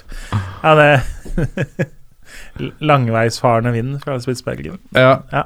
Eh, Jonny Normann Olsen um, fra podkasten Våre beste menn og ihuga Skeid-supporter spør på en skala fra 1 til 10 hvor sannsynlig er det at Oslo fotballkrets samles i en avdeling i tredjedivisjon i 2022? Og der har vi selvfølgelig eh, en eh, mann som alltid er i opposisjon til Norges Fotballforbund med sitt alternative Ja, statsbudsjett. det, er, det, er, det er spennende. Jeg holder på å gjøre ferdig mitt forslag nå. Bare prøve å få pusha det ut så det kommer ut torsdag eller fredag. Bør nesten kjøre en slags sånn pressekonferanse. Det som jo Jeg får svare på spørsmålet først. Det er en brukbar prosentsjanse for det. Nå I år så var vel Oslo delt på fire forskjellige avdelinger. For du hadde noen som dro til nord, og så hadde du noen som dro vestover, og så hadde du noen som var samla med Akershus og eh, litt sånn, og så hadde du Oppsal, som var i den avdelinga til Ørn og Hønefoss, blant annet. Så eh, går opps oppsettet mitt er jo litt sånn jeg, jeg tror man får enten et samla Oslo, eller at halve Oslo må til oppover til Nord-Norge, tror jeg. Så har jo ikke NFF vært veldig villig eh, Altså, Oslos fotball, Oslo fotballkrets og lagene har jo vært spredd for alle vinner i alle avdelinger i alle år nå. Og det er jo litt naturlig fordi man Det er kort uh, mange steder, og det er Gardermoen i nærheten. Så det henger, men i år så er det faktisk en brukbar mulighet til det, fordi det løser kabalen tilfredsstillende mange andre steder. I, I det oppsett som vi har spilt med i år, så passa det så bra fordi det var 14 lag fra Møre og Romsdal og Trøndelag. Kjempenaturlig at de havner sammen. Det var 14 lag fra Agder og Rogaland. Kjempenaturlig at de havner sammen. ikke sant? Hvorfor skal du fikle med det? Eh, Neste år så er det ikke sånn at de avdelingene går opp på samme måte. Og da er det kanskje best Det jeg mener, er at det mest naturlige er hvis du Sånn som mitt oppsett ser ut nå, da, så har du på en måte Du får samla seks, sju, åtte lag som er naturlig at havner sammen. Og så må de på en måte møte noen fra et annet sted. Sånn som for eksempel så passer det med at eh, Florø og Førde og fem lag fra Møre og Romsdal møter da syv lag fra Østlandet, f.eks. Det er logisk, istedenfor at du skal liksom sende sju lag fra et lag, ikke sant, fra Nord-Norge eller fra Rogaland. Eller, eh, og litt samme er det at du kan på en måte splitte opp Hordaland. Noen må dra til Stavanger, noen må dra til Oslo. Istedenfor at uh, ett eller to eller tre lag havner i en avdeling som blir helt geografisk fjern for dem. Ja. Så, og det går opp fint med andre lag. Problemet til Oslo er jo det er, det er jo en del andre lag i Oslo og omegn, da. Men det er ikke for mange til at de kan samles. Nei. Så, så kanskje, men jeg, jeg håper muligheten er der, uten at det går på bekostning av så mye annet. Men jeg tror jo ikke det blir sånn. Jeg tipper Oslo havner i to, kanskje tre avdelinger når NFF kommer med sin fasit. Det blir spennende å se. Um, Vegard Nummerstad. Har Ole Martin en drøm om å være trener i utlandet? Ser han for seg å være trener resten av karrieren, eller kunne han også tenkt seg en rolle som sportssjef? Eller som matris. Materialforvalter er drømmejobben. Det er ikke noe å lure på. Det er lang vei dit, da. Ja, det er det. Det er det. Uh, drømmer om utlandet tror jeg ikke jeg skal bruke så mye tid på akkurat nå. Uh, så uh, Nei, jeg har jo trives godt som fotballtrener. Og så er jeg jo forhåpentligvis da, så skal jeg leve av fotballen i 40 år til. Så at man skal være fotballtrener i alle de 40 åra er kanskje vanskelig å se for seg, men vanskelig å svare på. Så får vi Nå får vi første gang se hva som eh, eventuelt dukker opp nå i vinter, og se hva man eventuelt skal finne på neste år. Så får vi ta det derfra, tenker jeg. Det er bra. Benjamin uh, Sears, uh, som egentlig heter Benjamin Sars, Sars, er det vel egentlig. Um, han spør hvem blir toppskårer i Eliteserien i år. Fordi nå begynner det å dra seg til der. eh, Thomas Lene Olsen og OI av 25. Og vi må vel kunne si at Lene Olsen har en mer lovende form. Ja, det har han jo definitivt. Og så er det jo en duell mellom nettopp de to nå, da. Eh, Det er jo Molde-Lillestrøm til helga, så det blir jo en liten kamp i kampen, det også. Uh, Molde har Haugesund borte i siste. Det er, ofte, det er en vanskelig bane å komme til. Det er ofte en bane Molde har slitt på. Mens uh, Lene Olsen skal spille hjemme mot Sandefjord. Så med tanke på form, og med tanke på at jeg tror Lene Olsen kan skåre eh, Det er mye mer sannsynlig at Lene Olsen skårer 2-3 mot Sandefjord hjemme enn at, O- enn at OI gjør det samme i Haugesund, da. Ja. Så hvis man skulle plukka ut én av de nå, så tror jeg det er større sjanse for Lene Olsen enn det er for OI. Men uh, uh, ja, det, det er fortsatt relativt åpent. Og så er det jo imponerende at vi har Det er ikke bare de to. Vi har jo også Berisha eh, oppe på 20-tallet, han også. Han er vel på Er det 21 han er på? Ja. Uh, måtte sjekke. Det er første gang siden 1995 at vi har topp tre på over 20 mål. Oi, det er gøy. Og da var det en ganske kjent trio. Det var vel Brattbakk på topp, og så var det vel Belsvik som var nummer to, og så var det Ole Gunnar Solskjær på tredjeplass den gang. Så første gang siden da at topp tre markerer seg sånn. Det har, vært mange, det har vært mange år hvor det har vært to på 20, og så har tredjemann vært på 19. Det har skjedd en tre-fire ganger. Men ja, topp tre på topp 20, eller på 20 pluss, det er ikke så ofte. Spennende.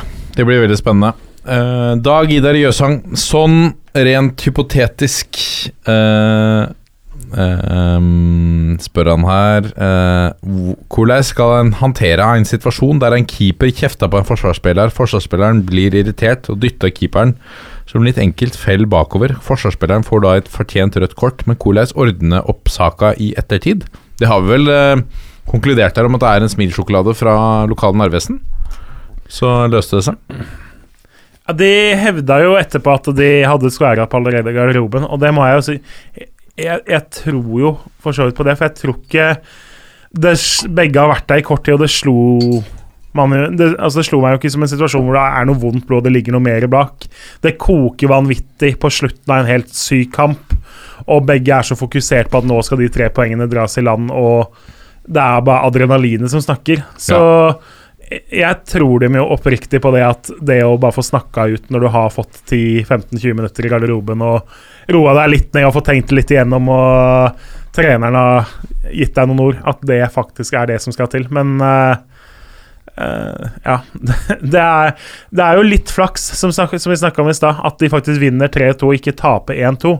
For jeg tror jo hvis de hadde tapt kampen og det her hadde skjedd, så hadde jo Nå ble det jo fokus, og det fikk oppmerksomhet i alle verdens land omtrent.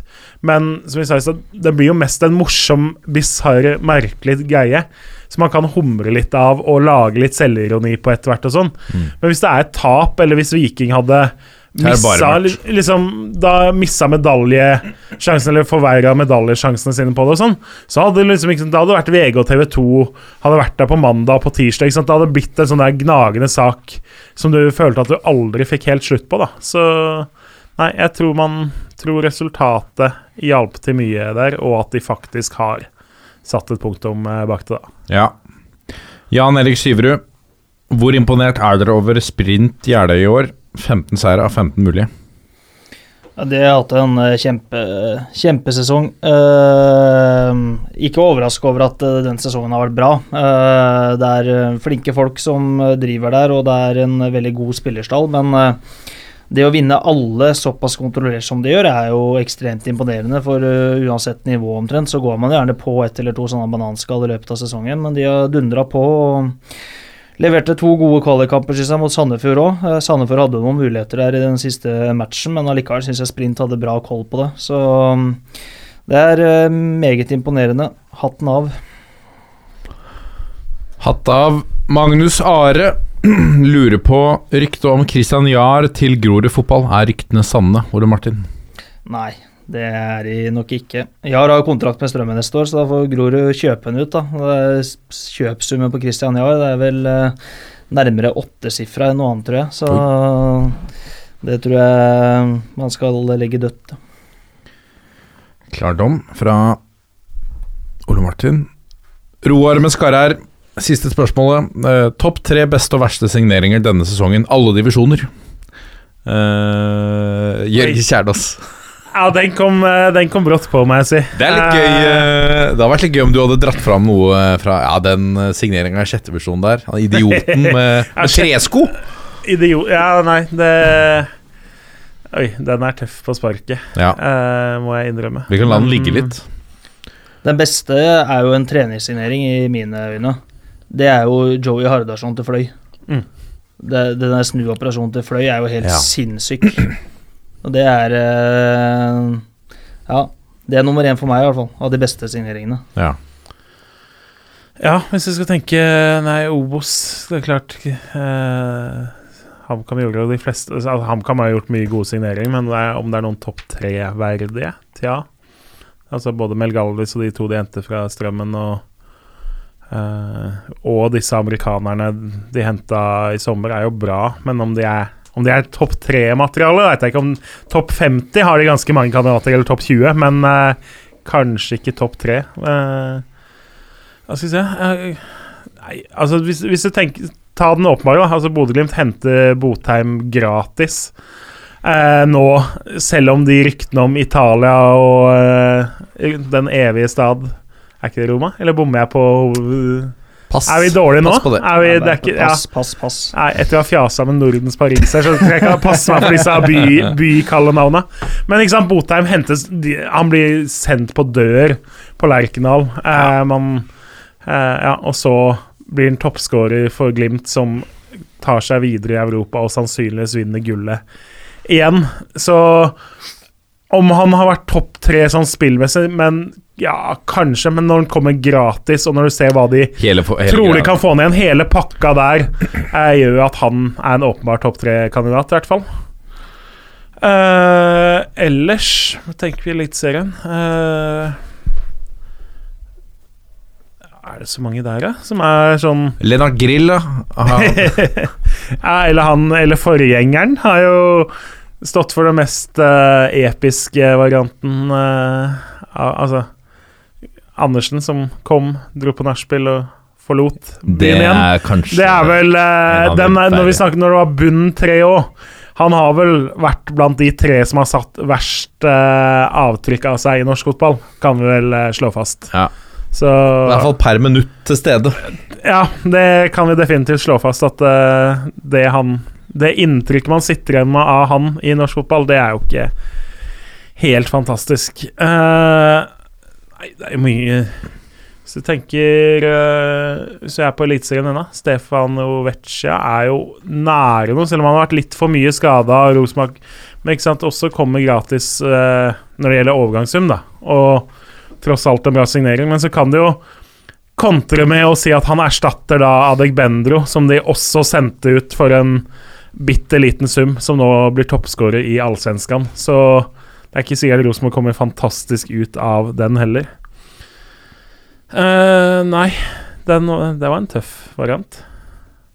Mm. Uh, Syns jeg. Det Fred Friday da fortjener han å være med i diskusjonen. Han også ble på en måte altså vi, han, Ikke latterliggjort, det er ikke riktig å si, men eh, man, eh, man hevet jo veldig på øyenbrynene og lurte på hva, hva driver de med i Drammen. Det, han har ikke spilt fotball på siden Ålesund brant. Og så han, for, han fortjener å være med i diskusjonen, men om Ja. han er helt der oppe han, Dette er jo en diskusjon. Ja. uh, Ja, det er et Ogbu til LSK foran. ja, Ja, ja. ikke sant? Det er en bra Det er en Mm. meget bra Han har vært bra, altså. Mm.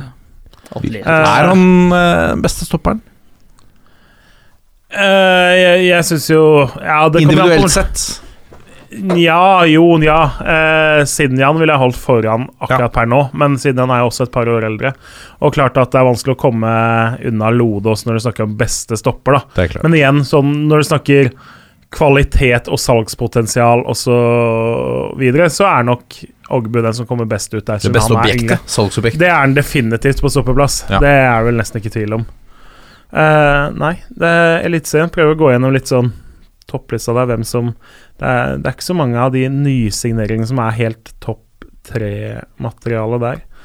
Uh, tenker andredivisjon, da. De laga som altså, Kongsvinger er jo stort sett spillere som de hadde fra før av. De har henta en god keeper fra Sverige. De henta Trace Murray, som har vært god, men det er liksom ikke, du kan liksom ikke ha høyrebekken Trace Murray i andre divisjon og si at det er en av topp tre-signeringer i Norge i denne sesongen her. Nei.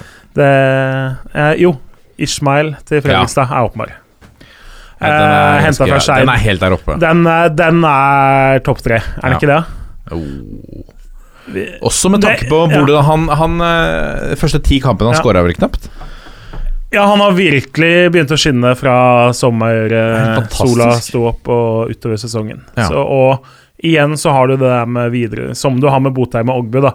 At uh, muligheten for å få en godt betalt for han eh, i framtida er veldig, veldig høy. Ja. Du har jo også da, når vi har snakket, Furtado på Jerv er jo også en god signering som er helt oppi der, selv om han var enda bedre i starten enn han har vært eh, kanskje utover sesongen. I hvert fall når det kommer til målproduksjon, da. Men at det er en av de beste signeringene totalt sett i år, det er det jo. Så, men lander vi med fa Det er jo alltid skummelt da når du skal snakke om eh, Hva blir det? 60 lag. Eh, minus tre andre lag som ikke gjelder. Du har 57 lag, og så skal du finne en topp tre på signering. Det, det er jo en stor fare for at vi har glemt noen. Men Botheim, Ogbu og Ishmael er vel kanskje topp tre, Ja, totalt sett. Kan godt hende. Eh, Ja. tenker, ja, for det blir ikke sant uh, Ja. Han eh, følger opp på også et siste spørsmål som vi kan ta før vi runder av her. Um, hva får Haugesund i Christos Safaris? God nok for Eliteserien allerede neste sesong? Det er jo en karakter som folk har blitt litt bedre kjent med gjennom TV-serien også. Ja, det er jo uh, De får jo en spiller med ekstrem vinnerskalle. Eh, som jo Det som har appellert regner med til Haugesund, er jo at de ser at han har kvaliteter begge veier. Han eh, er tøff, litt vel ivrig, litt vel aggressiv kanskje i forsvarsspillet ennå. at det, Han trenger liksom litt finjustering der. Og så har han kvaliteter med ball også, som gjør at eh, eh, han, han er ikke endimensjonal. Han har flere ting til spillet sitt som gjør at uh, til sammen så får de fortsatt en litt upolert diamant, for han eh, må definitivt på en måte justeres inn i forhold til det her. Liksom. Når skal du slå pasninger med høy risiko? Når er det best å roe ned tempo? Når er det best å sette opp tempo? Når skal jeg føre ball framover? Litt sånn på de valga, de tinga som kommer jo flere minutter du har bak deg på en fotballbane på et høyt nok nivå. Mm. Men uh, han er jo i hvert fall blant midtbanespillerne nå i Obos definitivt noe av det mest interessante som har vært der på en god stund. Og så er det jo, synes jeg jo det er gøy at først henter jo Naustdal fra Strømmen i sommer, og så henter de Safaris eh, også. At eh, Haugesund går den veien. Og da er vi også inne på det vi akkurat snakka om i stad, med å tenke videresalgspotensial. At du, du går til Obos, du henter to unge midtbanespillere som har gjort det bra, det er spennende, og så tenker jo sannsynligvis Haugesund i et veldig mye lengre perspektiv enn 2022 for eh, begge de to. Nå har jo Naustdal vært Han var jo god i Stavanger, og så fikk han starte, men ble tatt av til pause nå sist. Eh, Safari så kommer ikke til å Hvis du kommer ikke til å spille mer enn si 30-40-50% av minuttene til Haugesund neste år, tipper jeg. Tipper det kommer til å være mye innbytte, mye 15 minutter og 20 minutter i starten, litt mer, så blir det en halvtime, og så blir det en start her og der. Men uh, at det er to signeringer hvis vi sitter her i studio i 2025, så tror jeg vi kommer til å se, konkludere med at Haugesund var veldig smart som gjorde de to uh, signeringene nå i år. Mm. Altså, Safaris er en meget eh, bra fotballspiller.